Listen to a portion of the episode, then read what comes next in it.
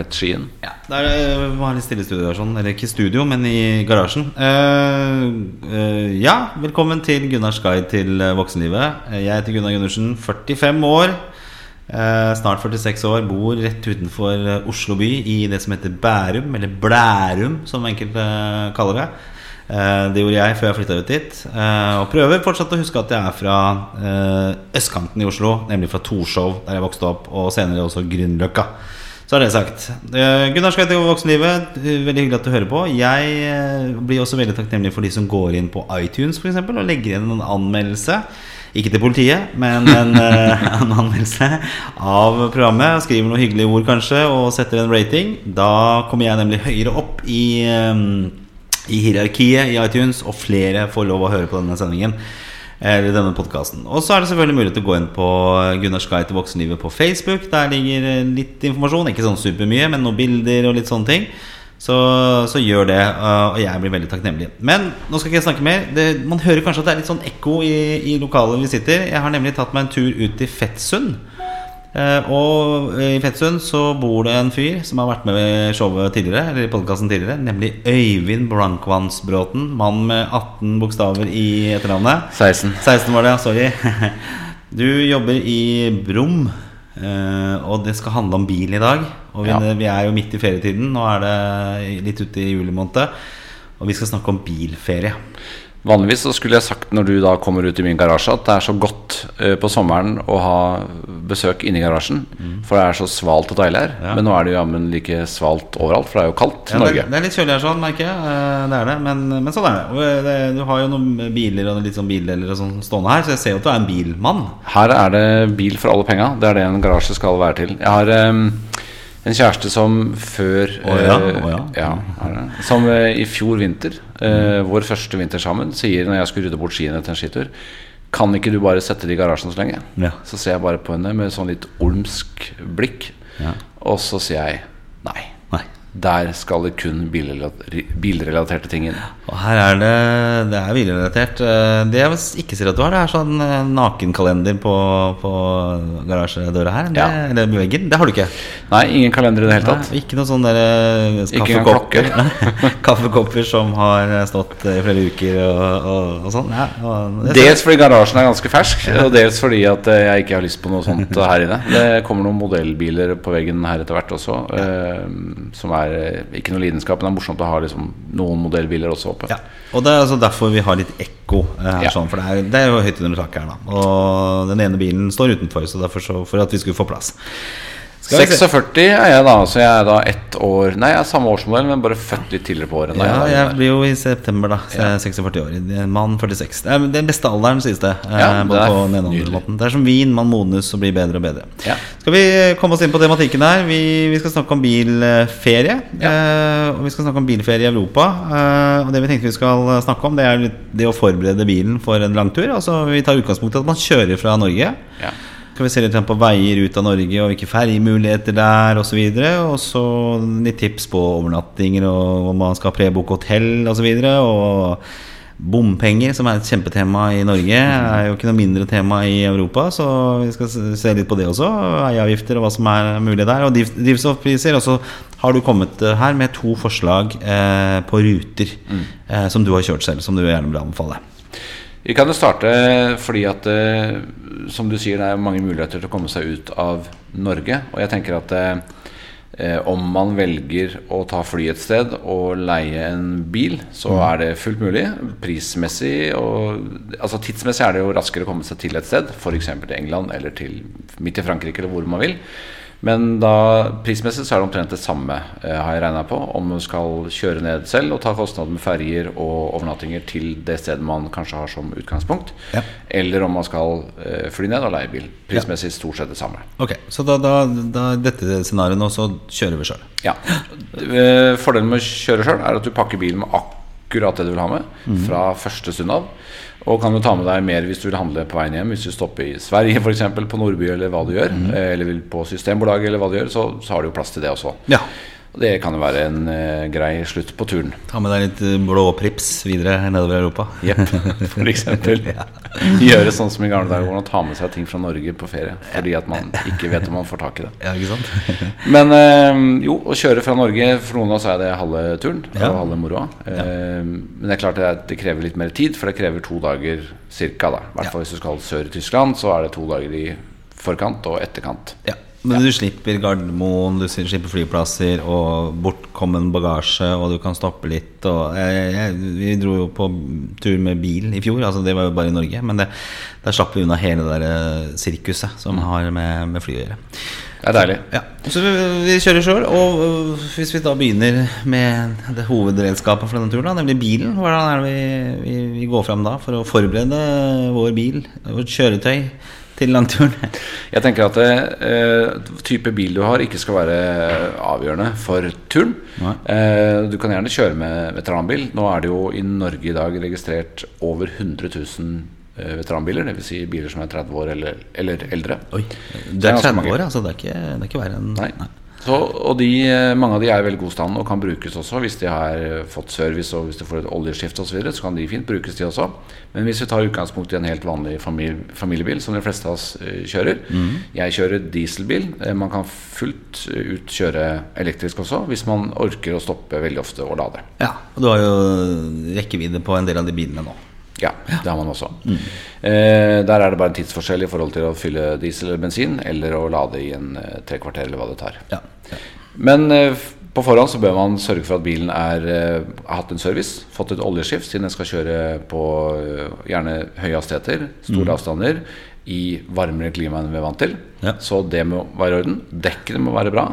Jeg reiser sjøl på ferie på mandag og har allerede hatt oljeskift på bilen, og skal i ettermiddag bytte dekkene på bilen, for de er ikke bra nok synes jeg, til å kjøre så langt med. Nei, De slites veldig fort i høye hastigheter, ja. så man legger igjen mye gummi på asfalten. ja. Ok. Så bør man da, hvis man er opptatt av det som jeg er, gjerne polere bilen. For det er lettere å vaske av alle de insektene som fester seg på bilen. Eh, selvsagt eh, vaske bilen. Det er alltid hyggeligere å kjøre av gårde med en rein bil. Og kanskje spyle den av noen ganger underveis også, for ikke å få hele jobben med insekter og alt det som sitter fast i fronten når du kommer hjem. Ja. Det går noen insekter på en sånn tur. Det går noen. Ser ut som et landeveismord Ja, det ikke er sant. ferdig. Uff, forferdelig. Det er grusomt. Uh, rest in peace. Rest in peace. Rest in bees. Nei, det var dårlig. Den klipper vi bort. Ja. Uh, ok, så det er liksom stalltipsene for, for bil, eh, bildelen. Og Tror det, altså. ja, Ta med kjølebergerne som går på 12 volt. Det er Ja. alltid kjekt å ha med seg til alltid kald drikke eller mat eller hva man vil Ja. bunkre opp underveis. Eh, og selvfølgelig laste ned så mye podkast som mulig, og, og høre på det underveis også. Uh, Alle Gunnars guide til voksenlivet bør være et must Ja, i år. det er godt. Ja. Og så skal vi komme oss ut av Norge, da. La oss si vi er eh, vi, Altså, vi sonderer jo fryktelig mye rundt østlandsområdet, da. Men la oss vi tar utgangspunkt i østlandsområdet, for det er den korteste veien ut av, ut av Norge. Uh, det er vel noen veier å ta her? Du kan gjøre flere ting. Du kan ta en ferge. De går jo fra Oslo eller eh, Larvik, og så går det vel også fra Sandefjord, tror jeg. Men det er kanskje bare til Strømstad. Ja. Og så har du jo da Kielbotn fra Oslo, hvor du kommer deg helt ned til Tyskland. Det er eh, sånn sett det jeg vet om ferjemuligheter, hvor du kommer deg til Danmark eller Tyskland. Eller så kan du kjøre, som jeg selv gjør, kjøre hele veien ned til Tyskland. Ja. Hvor du kjører gjennom Sverige, og da er det jo ingen ferge i det hele tatt, med mindre man velger å ta både Helsingborg-Helsingør over til Danmark, og kjøre hele, hva blir det, Fyn, Sjælland, Sjælland nedover, og så ta neste ferje fra Rødbyhavn til Puttgarden. Eller om man vil kjøre og ta Göteborg til, øh, over til øh, Husker ikke navnet i Sverige, nei, i Danmark. I Helsingør? nei, da kommer man over til noe som ligger litt lenger opp, men jeg husker jammen ikke navnet i forbifarten. Ok. Hirtshals? Nei. Litt lenger sør enn det. Uh, så flere muligheter her. Og spørs egentlig hva man vil. Og Tyskland også er jo, hvis man kommer nedover Jylland, så kan man jo kjøre på fastlandet i Tyskland. Eller man kan da ta de ferjene som jeg nevnte, som er f.eks. Rødby til Puttgarden, som er den jeg pleier å ta. Så litt, litt gammel vane. Hvor lang tid tar dette cirka, sånn eh, i, i tid, hvis vi, hvis, vi starter for eksempel herfra, fra Fettsund? Og kjører eh, bil. Ja, altså gjennom Sverige, og så til du på en måte har kommet deg til Tyskland. Hvor, hvor, mange timer snakker vi her?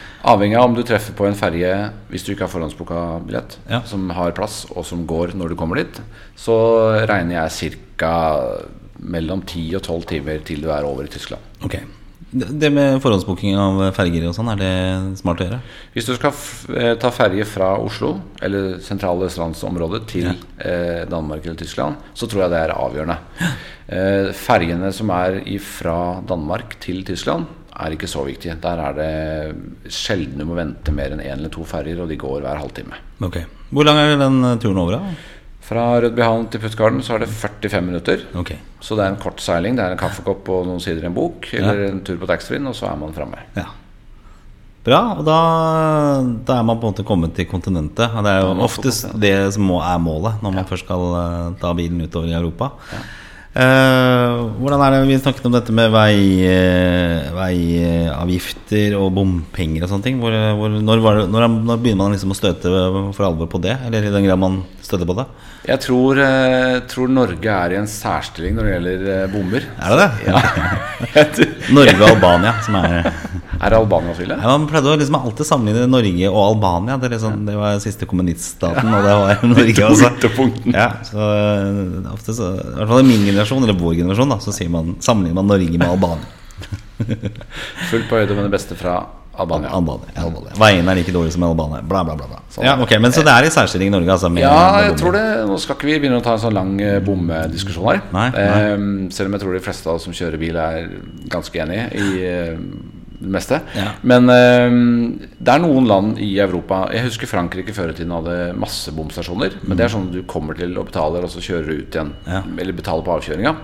Eh, om de har det lenger nå, for det er lenge siden jeg har kjørt mye i Frankrike, det vet jeg ikke. Men ellers så er det noen østeuropeiske land, typisk Slovakia, Tsjekkia Lurer på om Polen også har det, og en del andre, som man skal sjekke ut på forhånd. Fordi at der er det en veiavgift, en type sånn årsavgift som vi har, bare at det, det koster jo en brøkdel. Ja. Og så kjøper du et oblat som du må ha i ruta. Okay. Ja. Jeg har blitt stoppa en gang i Slovakia uten oblat Ja. av politiet for 20 år siden. Eh, det var ikke kjempegøy. Det? Lagt i bakken og våpen i nakken og sånn? Nei, jeg hadde med meg en dame i passasjersetet som blunka med øynene. Ja. Eh, det funka. Det gjør det? Ja, det er 20 år siden. Og vi fikk streng beskjed om å kjøpe første bensinstasjon. Mm. For det kan man kjøpe overalt med å skaffe blatt. Okay. Uh, Så det lønner seg å gjøre. Sjekk ut hvilket land du skal til, for det er veldig forskjellige regler fra land til land. I Tyskland er det ikke.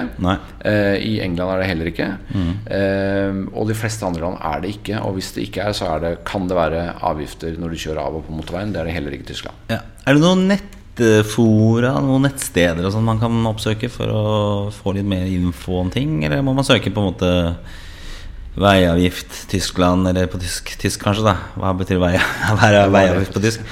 Veg eh, Gelt? Ja, eh, et eller annet. sånt. Vi er like gode i tysk, eh, tydeligvis. Eh, Ser godt. nicht. Ser godt. Ja, aber schnell. Ja. Eh, jeg tror du bare skal google det. ja, ja.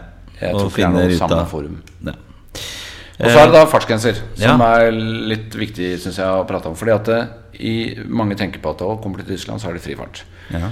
Og det er det jo også på eh, 60-70 av veinettet deres. Så er det frifart. Mm. Så når du da dukker opp det grå skiltet med fire streker på kryssover, da er det lov å tråkke klampen i bånn. Men gjør det kun hvis du føler at du kan det. Ja. Fordi at eh, de som kjører lite bil, bør kanskje ikke starte med å kjøre veldig fort på autobahn, men heller holde seg i ørefeltet og øh, kjøre nedover i 140-50. Og det passer stort sett for de fleste. Og har du bil som klarer det, har du lyst til å gjøre det og kan du og er erfaren nok, så kjør venstrefeltet og kjør på, men pass deg når det kommer folk bak deg som vil forbi. For det er krevende å kjøre i høy hastighet. eh, Og det, du har vel en viss påtrykk bakfra hvis ikke du klarer å følge hastigheten, vil jeg tro. Ja. Eller jeg har jo opplevd det sjøl også, så jeg vet jo litt det, hvordan det er. Du, du blir jo veldig stressa hvis ikke du har det i blodet. Kjempestressa, og du begynner å leite etter luker for å komme deg ut med en gang. Så, Og så ligger du kanskje i 170-180, og da går, går ting fort. og så kommer han Porsche i 290 bak. Og det er klart at han vil da ha deg av banen veldig fort. Ja. eh, så det kan være litt skummelt. Men for all del, ikke gjør sånn som nordmenn ofte gjør når Mm. du ligger i venstrefeltet. Ikke tull og brems litt. Nei, ok. For det kan fort gå gærent. Nordmenn har en eller annen idiotisk innstilling på at det, hvis det kommer en som skal forbi deg, eller Ja. Mm. oppi rumpa di, så må du bråbremse eller trykke på bremsen. Burde ikke gjøre det i Norge heller, for det er, helt, det er en ordentlig uting. Men i Tyskland må du Det er fy-fy. Der kan det fortsette. Jeg har nemlig en tendens til å gjøre det. skjønner du Eh, for Jeg blir irritert hvis folk ligger for tett oppi eh, rumpa eller ræva, eller hva man sier på podkast. Da, da har jeg en tendens til å, å, å og blir litt sånn i faen. Men jeg tenker hvis øh, folk bak da ligger i 200 km i timen, så, så kan det jo få fatale konsekvenser. For det er vel noen ganske heftige kjedekollisjoner i, i, på autobanen. Når det først skjer noe, så, så er det mange som er involvert. Jeg har sett mye stygge ulykker, eh, og ikke vært involvert i noen sjøl, gudskjelov. Ehm, og det skjer fort, og det er mye skade på både mennesker og kjøretøy. Så vær obs, les trafikkbildet. Man får en sånn egenskap underveis når man har gjort dette noen ganger, til å lese trafikkbildet og forstå litt at ok, den turanen som er foran der, han kommer mest sannsynlig nå til å legge seg ut, så jeg må passe på. Jeg som kjører i 200, så han ikke bremser meg, eller at jeg kjører på han. Ja. Sånne ting lærer man seg delvis, i hvert fall i den grad det går an, å lese. Og husk en ting, når man kjører på fri fart, så er det fri fart. Men når det er fartsgrense i Tyskland, så er det fartsgrense. Og da er de kjempestrenge med å håndheve det også. Er det 130 eller 100, så kjør. Men husk at det står noen skilter langs veien hvor det står 80, og så står det eh, et sånn regnværsskilt under. Da gjelder det kun hvis det er regnvær. Så okay. like viktig å holde fartsgrensene nede når det regner, som å respektere de vanlige når det er tørre veier. Når det er grenser. Og heller kjøre fort når du kan. Det er veldig gode tips. Eh, er, det, er det bare i Tyskland det er fri eh, hastighet, eller er det altså andre land når du kommer lenger nedover? I Europa så tror jeg faktisk det bare er der. Ja. Sveitserne eksempel er ekstremt eh, strenge. Østerrikerne likeså. Ja. Som i Norge, faktisk, med å håndøve det. Med mye fotobokser og sånne ting. England også er det mye fotobokser. Ja, jeg kjørte i Spania, og der vet jeg det er ikke frifart, i hvert fall. Det er, jeg tror det er 120 eller noe sånt, ja, som er øverste far- fartsgrense der. Tror det er 130 mange steder nedover. I hvert fall i Østerrike og Sveits. Eh, Frankrike er det vel omtrent det samme. Frankrike har noen veier hvor det er litt eh, mer eh, åpent på fart, men ellers er det Og England også er kjempestrengt. Ja. Bra. Ok, men det er, tipset er definitivt å kjøre etter eh, egen evne, og ikke overvurdere eh, ferdighetene dine, og ikke undervurdere farten, og hvor fort ting går når man begynner å gå, touche opp på 200 km i timen. Det er stor forskjell på å kjøre E6 sørover i 120 forbi eh, Outlet-senteret i Vestby, eller å kjøre i 220 forbi Münster i Tyskland. Det Ja, ja. er litt forskjellige ting som kan skje. Uh, godt tips. Uh, ja, altså dette med å så prebooke type hoteller og eh, Ja, Mens vi er inne på dette her, sånn, vi snakket om bompenger og før vi går til hoteller og, osv. Vi snakket om dette med drivstoffpriser. Hvordan, hvordan ser de ut nedover? I eh, Sverige, Danmark, Tyskland, Østerrike, Sveits, eh, delvis England og landet rundt der, Frankrike, Italia osv., så, så er jo prisene på drivstoff omtrent det samme som i Norge blitt. Litt lavere, kanskje en krone eller to per liter. Men Ja. ikke sånn Du sparer ikke veldig mye på, på det. Nei, okay. Eh, og drivstoff må man jo ha, så det koster omtrent det det koster hjemme. Og så var vi innom dette med elektrisk bil. Hvordan er det med ladestasjoner? Der er vel Norge litt i særstilling også, er det ikke det? I Norge er det jo helt utrolig, og delvis eh, deler av Sverige også. Men det er masse ladestasjoner, har jeg sett, også i Tyskland eh, og de andre landene nedover i Europa. Så det er, men der har jo elbiler også en, eget, en egen funksjon som gjør at du kan plukke ut når neste er. Ja. Så det er bare å kjøre etter de. Eh, det som er litt negativt med elbiler, sånn sett er at du må jo tilpasse farten også der, siden batteriet tømmes fortere hvis du kjører fort, Ja, ja. enn om du kjører med en dieselbil hvor du bare kan kjøre om tre mil og fylle opp. Jeg husker vi var, kjørte på autobanen, og da kom vi vel av ferga i Det var vel kanskje jeg lurer på om vi dro fra Malmö-området og så over eh, Og så kom vi inn liksom i Øst-Tyskland. Eh, Da hadde vi ganske lite bensin allerede da, og så begynte vi å kjøre. Og da var det på, på berømte K-håret, altså at vi, vi nådde en bensinstasjon. Da var det ikke mye igjen. Eh, Eh, Det er store bøter å gå bensintom på, Det er det. på autobanen. Da, da kom politiet fort, for de har kameraer overalt. ja, da, de, det er vel ikke Det ser godt uh, nicht. Nicht sehr gut. Eh, Prebooking hotell og kommer litt an på rute og sånn, men hva, hvordan, hvordan gjør du det, som er ekspert på området? Eh, jeg, jeg har blitt såpass gammel eller eh, trygghetssøkende at jeg liker å vite hvor jeg skal. Ikke bare fordi at jeg kan plotte inn i navigasjonen hvor jeg skal hen, men også fordi at da veit jeg at der er et rom som venter på meg. Ja. Så jeg slipper å leite. For eh, når jeg gjorde- mine første turer til eh, Europa med bil for 25 år siden, så kunne jeg godt reise ned og satse. Men ofte kommer du seint fram. Eh, og det å da i, langs Rivieraen i Frankrike, hvor du ikke er kjent, Ja. Klokka halv ti på en eh, mandagskveld prøve å finne hoteller og prøve å finne noe som er ledig. Det er- ender ofte opp med å sove i bilen, og det er en dårlig løsning, syns jeg. da Særlig så er det hvis du kanskje er en familie på fem òg. Da er vel ikke stemningen den gode, beste, vil jeg tro. Nei, Og litt for liten bil. Ja, og jeg, jeg merker jo som eh, like gammel som deg, at eh, hvor mye som har endret seg liksom, i dette med reiseplanlegging. Altså, jeg Skjønner ikke hva du mener. Nei, altså Før internett så lurer jeg på hva, hvordan fant man hoteller og fly... Jeg husker jeg var på reisebyråene her. Så satt det den stolen, og så satt en eh, dame ofte og knasta på, på EDB-maskinen, og, så- og så fikk du et annet flypris. Mens eh, hoteller Det var ofte kanskje man kjøpte samtidig. Var det, var noe sånt? Jeg, jeg, jeg, jeg klarer ikke å huske det, hvordan det var. Det var det så enkelt med Airbnb og hotell.com og booking og ja, alt dette her. Det er en ny verden. Jeg husker jo nesten heller ikke hvordan bilferiene mine var i gamle dager. Fordi eh, du var avhengig av at én, ofte var det meg, da, kjørte bil. Og to, det var gjerne partneren din, leste kart. Mm. Ja, NAFs veibok og sånn. Og svære europakart som var eh, A3-størrelse. For du må jo følge med ikke sant? hvor Ja. du skal hen, og hvor du skal kjøre av. og sånn Men det, det å finne hotell var jo et lite mareritt i seg sjøl. For at du vet jo ikke hvor de er hen. Du har jo ikke noe navigasjon som hjelper deg til å finne de heller. Så du må kjøre rundt. da man fant jo, og det var, måtte du kanskje spørre, da. Ned, og så sveive ned vinduet med den sparken Excuse me, is this uh, pensionate, or what do you call it? Ok, så, Men øh, litt avhengig av øh, eventyrlyst, så, så er det absolutt å anbefale å, å, å finne en rute å booke. Men du trenger ikke booke alt før du reiser. Du, du booker vel også litt sånn underveis under turen. Kan man gjøre. At man sitter og, og så finner disse tre stedene. Kan man gjøre eh, hvis man ikke må legge opp en rute på forhånd mm. og har spesielt eh, grunner til å være på steder på spesielle datoer, så kan man selvsagt gjøre det på underveis. Det er null problem så lenge man har en app og en telefon. Det, det er lettere nå. Eh, og så Ja. eh, har du jo eh, to ruter som du gjerne vil anbefale. Ja. Eh, da er vi jo kjernen her. Og vi er jo fortsatt i juli. Sikkert mange som ikke har helt planlagt ferien sin ennå, og har en bil stående på gården eller i gata eller i garasjen eller hvor det måtte være, og har muligheten til å stikke av gårde en uke eller to. Mm. Så eh, er jeg veldig spent på hvor er det vi reiser, da? Hva gjør vi? Hvor skal vi reise hen, sier de på eh, påskelabyrinten. Ja. Um, Og det var gammel referanse. Er han er vel i gang ennå, men eh, Han er i gang. Ja, nesten litt for gammel for dette her òg.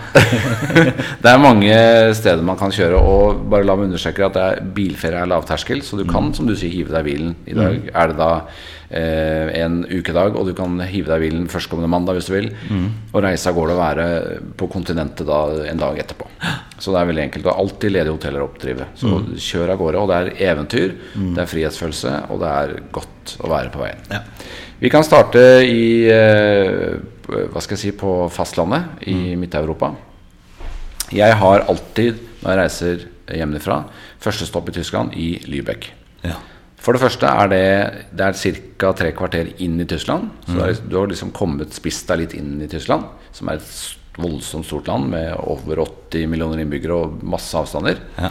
Eh, Lübeck er en veldig koselig eh, Hansaby. Eh, hvor det er masse koselige restauranter langs elva, og det er masse utesteder og god stemning. Bra shoppingmuligheter. Veldig mange nordmenn som flyr til Hamburg, tar eh, tog til Lübeck, handler og hvis, eh, samme vei tilbake igjen. Så det er et fint sted å være. Eh, og så har de verdens beste marsipan i Lübeck, som heter Niedreger. Ja.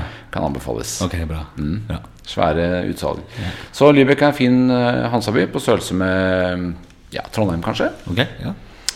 Så det er eh, mitt første stopp i Tyskland. Hvordan er det å parkere inne i Lübeck, da? Det, går det greit, eller? Ja, det er litt sånn litt gammeldags i forhold til Norge. Det er mange sånne parkeringshus med menn i eh, lagerfrakk som tar imot eh, kun kontanter. da Oh, ja.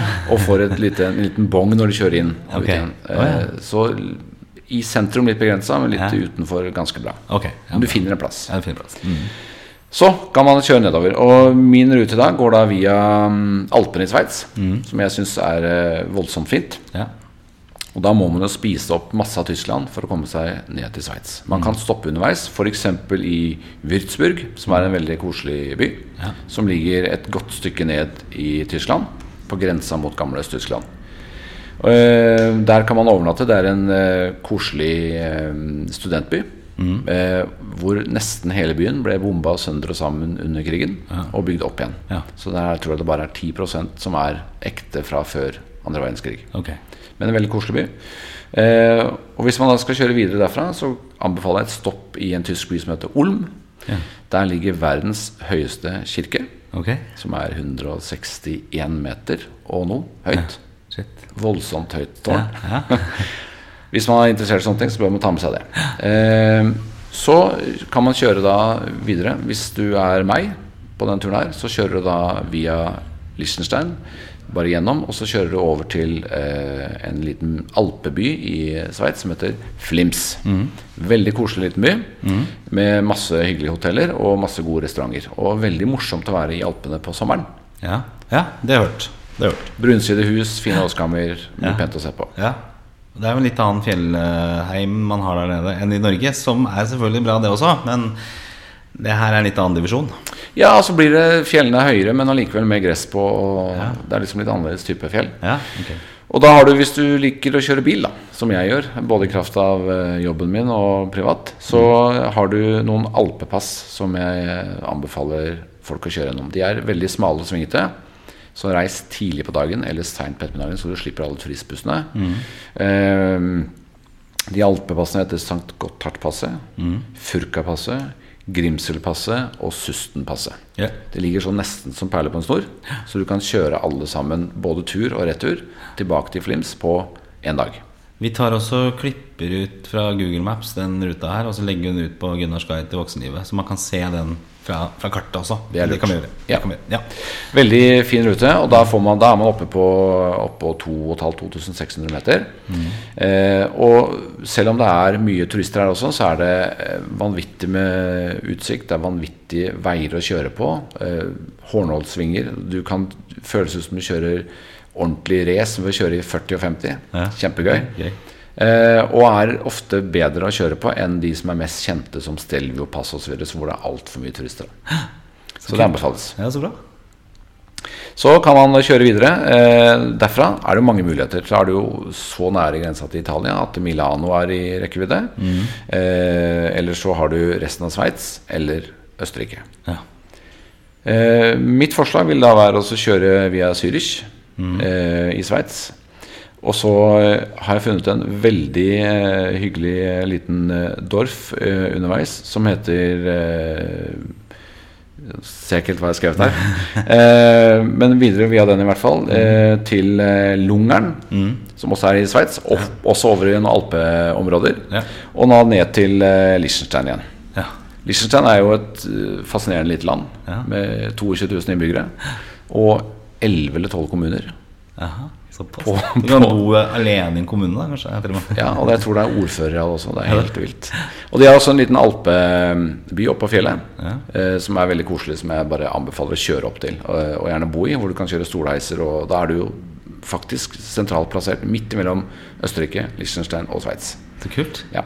Vi har hørt, altså jeg, I fjor så vi, var vi nesten på vei til å gjøre en sånn alpesommertur, men det, det ble Kroatia isteden.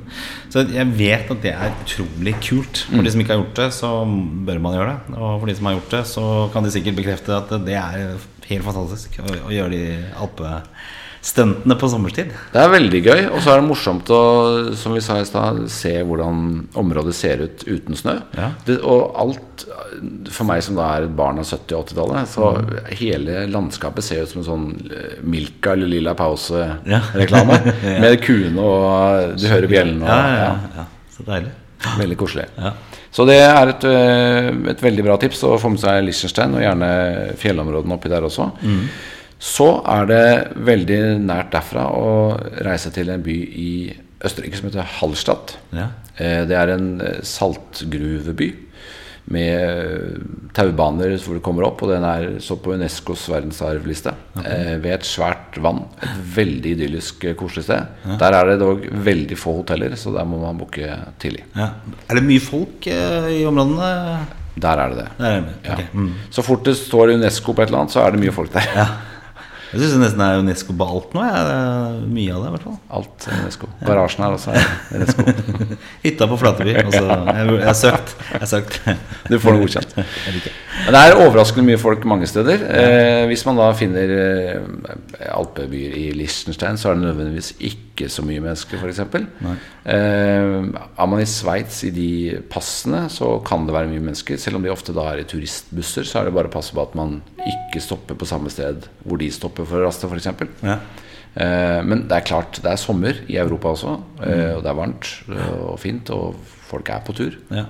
Kan du bli stående i køer, og er det mye trafikk? Eh, kork, som det, som det het? Det verste er vel egentlig gjennom uh, Tyskland. For der er det mye veiarbeid hele tiden. Mye gamle veier som skal restaureres. Så der ville jeg prøvd å velge alternative ruter.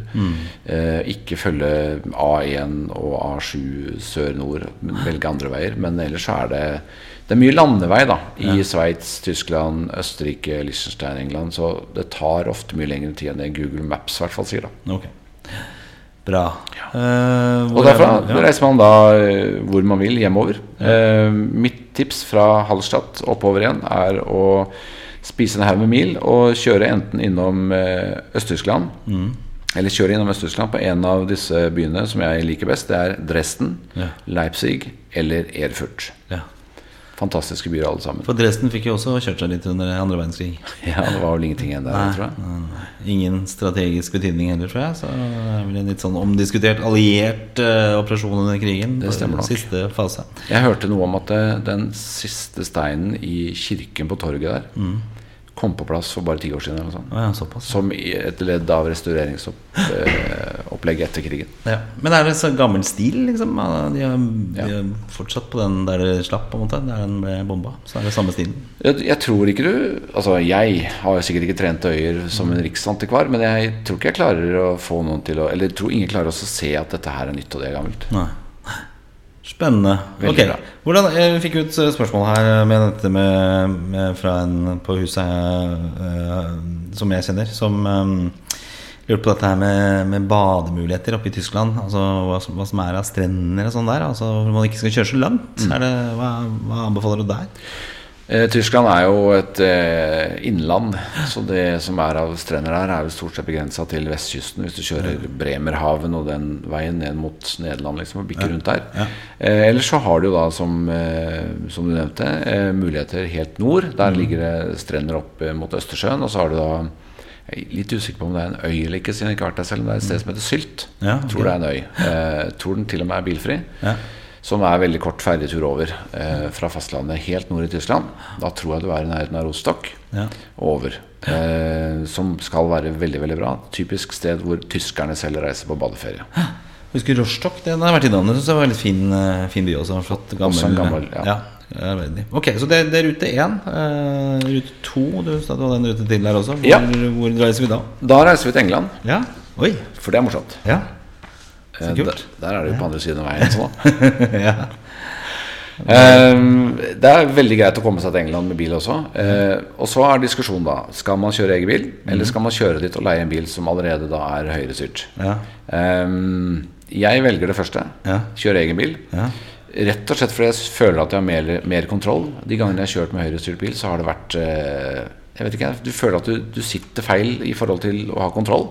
Ja, det er riktig, det. Du har prøvd det? Ja, ja, ja, jeg har kjørt venstrekjøring. Jeg har vært i Thailand og England og øh, Australia til og med. Så det, det er jeg helt enig i at det føles veldig rart. Det er lett å for så komme inn i den der venstre trafikken. synes jeg. Det er ikke så ille. Ja, Men det er den der øh, at du sitter feil, og det er giring med annen hånd øh, I det, det tilfellet du må det. Det er et eller annet som er feil. Så jeg er helt enig i at det, det ikke det er lettere å komme inn i trafikkreglene enn i selve bilen. Altså jeg, jeg anser meg sjøl som en ganske god sjåfør. da Og er ganske flink til å kjøre Altså Man har jo gode og dårlige dager der også, med hvordan man føler det er å kjøre bil. Ja. Eh, men jeg føler liksom at jeg alltid har kontroll på å ha bilen i riktig felt osv. Men det føler jeg ikke at jeg har når jeg sitter på i gåseøyne feil side og kjører. Ja, ikke sant eh, Ok, så hvor, Men hvordan kommer du deg til England fra Norge, da? Hva gjør du? Hvor kjører du? Samme rutine ned til Lübeck for min del. Eller Bremen, som er bare litt grann Eh, og så er det da å kjøre hele vestsiden av eh, Tyskland. eh, Forbi Münster, ned til Nederland. Over i Belgia. Eh, Og over Eller ned til Calais i, eh, i Frankrike. Over Calais. Ja, Ja. den sangen husker du. Og vi så på hverandre Vi nærmet oss land Någonstans imellom Doverkallet Jeg er glad det var du som sang. eh, underveis så kom man forbi eh, flere hyggelige byer i Belgia hvis man ønsker å overnatte her. Belgia har Brygge og Gent bl.a. som veldig hyggelige overnattingssteder. Ja, Veldig koselige gamle byer. Min favoritt av de er kanskje Gent. ja. Eller så kan man kjøre rett til Calais og ta ferja over. Den lønner det seg å forhåndsbooke. Og de har, hvis jeg husker det riktig, en sånn slingringsmonn på fire timer Ja. i hver retning. Hvis du sier at du skal være der klokka tolv, så kan du være der åtte, og du kan være der fire. Ok Som er lurt, for den er en kostbar affære å gå glipp av. Ja. Jeg har, har sjekka ut muligheten på hva som er lønnsomt i forhold til ferje eller, eller eurotunnel med tog. For du setter jo bilen på toget. Så er eh, prismessig så er ferja gunstigst. Eh, tidsmessig så er det litt kjappere med tog, men det er 1 12 time over med båt, og det er et måltid, og så er du framme. Hvor lang tid tar det med toget da? Hva, hva er det nærmere? 45-50 minutter. Ah, okay, så, Og så er det betydelig høyere pris? Bet- Nesten dobbelt så dyrt. Ah, okay. det er greit mm. Greit å vite Så da kommer du plutselig over i et land som har eh, venstrekjøring, da. Og det er alltid artig. Ja, Eh, veldig frustrerende i mørket første gang man kommer over. Ja. Men man, som du sier, setter seg fort inn i det. ja, Og England er jo Det er egentlig et helt program å bare prate om England. Men England er et fantastisk fint land, et enkelt land å være i. Der er det mye landeveikjøring, så der tar ting veldig tid. ja. Og for deg, når du kommer til Dover, hvor er du i forhold til Er du, er du litt syd for London da? Altså på den Sydøst. sydøst? Ja, så du ligger liksom litt lenger ned for London? Ja. Da har du jo muligheten til å kjøre nedover mot Cornwall, St. Ives, det området der også. Har det vært, vært noe der, eller? Ja, eh, det er innom eh, Vi skal innom der. ja. Vi, jeg, jeg tenkte, Nei, det er bare hyggelig. Vi kjører jo til, gjerne til Eastbourne. Ja. Eh, eller hvis jeg skal velge planlegge en rute, så ville jeg sagt Eastbourne. Eh, der har man også like borti der Seven Sisters, som er disse kjente klippene. Helt bratte, stupbratte klippene. Ja. Uten noen form for hindring. Så der er det lett å falle ut. Med sjø da type 100 meter ned eller noe sånt. Ja. Fantastisk sted å være på. Veldig spennende. Eh, der ligger også et, eh, et fyr som man kan overnatte på. Mm. Som er, de har, jeg tror det er fem eller seks rom. De er stort sett alltid fullboka. Ja. Hvor da frokostsalen er på toppen der hvor lampa var. Oi, der er det utsikt overalt. Ja. Anbefales. Ja. Men Er det ut med båt, eller er det fra fastlandet? På fastlandet. Fastlandet, Okay. Helt ut på en av klippene på Seven Sisters. Ok, Ja. Det fant jeg en gang helt by chance. Eh, så gjør det hvis dere kan. Det koster en formue, men det er verdt det. Ok, bra Så kan du kjøre videre sørkysten eh, nedover, og da har du jo mange hyggelige steder. Du har Chichester, som er en koselig liten by, og da du, er du jo på vei opp i South Downs nasjonalpark. Så da kan du ta med deg Midhurst, eh, Petworth og flere andre hyggelige småbyer rundt der. ja. Så kan du kjøre videre og ta med deg Portsmouth og Bournemouth, som er kjente språkreisebyer for oss som er, er noen år gamle. Det er jo et kult område. Jeg var på et bryllup eh, der nede, det som heter New Forest. Ja. Utrolig område, faktisk. Eh, Vi var dessverre altfor kort tid der. Bare inn til bryllupet og ut igjen. Eh, Men det var bare fantastisk. Jeg tror det hva var det jeg sa for noe? Eh, 25 000 villhester som levde i det området. Så du kjørte langs veien, og da sto det hester som da var ville. Det er, eh, det er helt sprøtt. Litt sånn Hobbit, sånn eh, Ringenes herre-landskap. Ja. Det er, og det er veldig hyggelig. Ja. Eh, og folk er veldig Altså engelskmenn er veldig imøtekommende. Ja. Og hjelper deg gjerne også. Eh, så kan du kjøre videre som du sier mot St. Ives, og da er det jo naturlig kanskje å stoppe innom, selv om det er en liten detur, og få med seg Lands End også, som er Det må vel være Europas, om ikke vestligste, i hvert fall sørvestligste punkt. Ja, ok Hvor du har eh, hav rett ut Ja. og ingenting annet. Ja. Veldig morsomt, kult sted. Eh, og så kan du kjøre opp til St. Ives, som i seg sjøl er et fantastisk eh, fint, lite sted. Ja, ja, kult. Masse koselig. Og så er det jo dette artige tidevannet da, Ja. i England, som er veldig Det er jo flo og fjære på en ordentlig måte. Det er jo Enten er det jo masse vann, eller så er det ingen, ingen vann, hvor båtene ligger på land. ja. Det er store, store forskjeller. Veldig store. Ja, det er kult.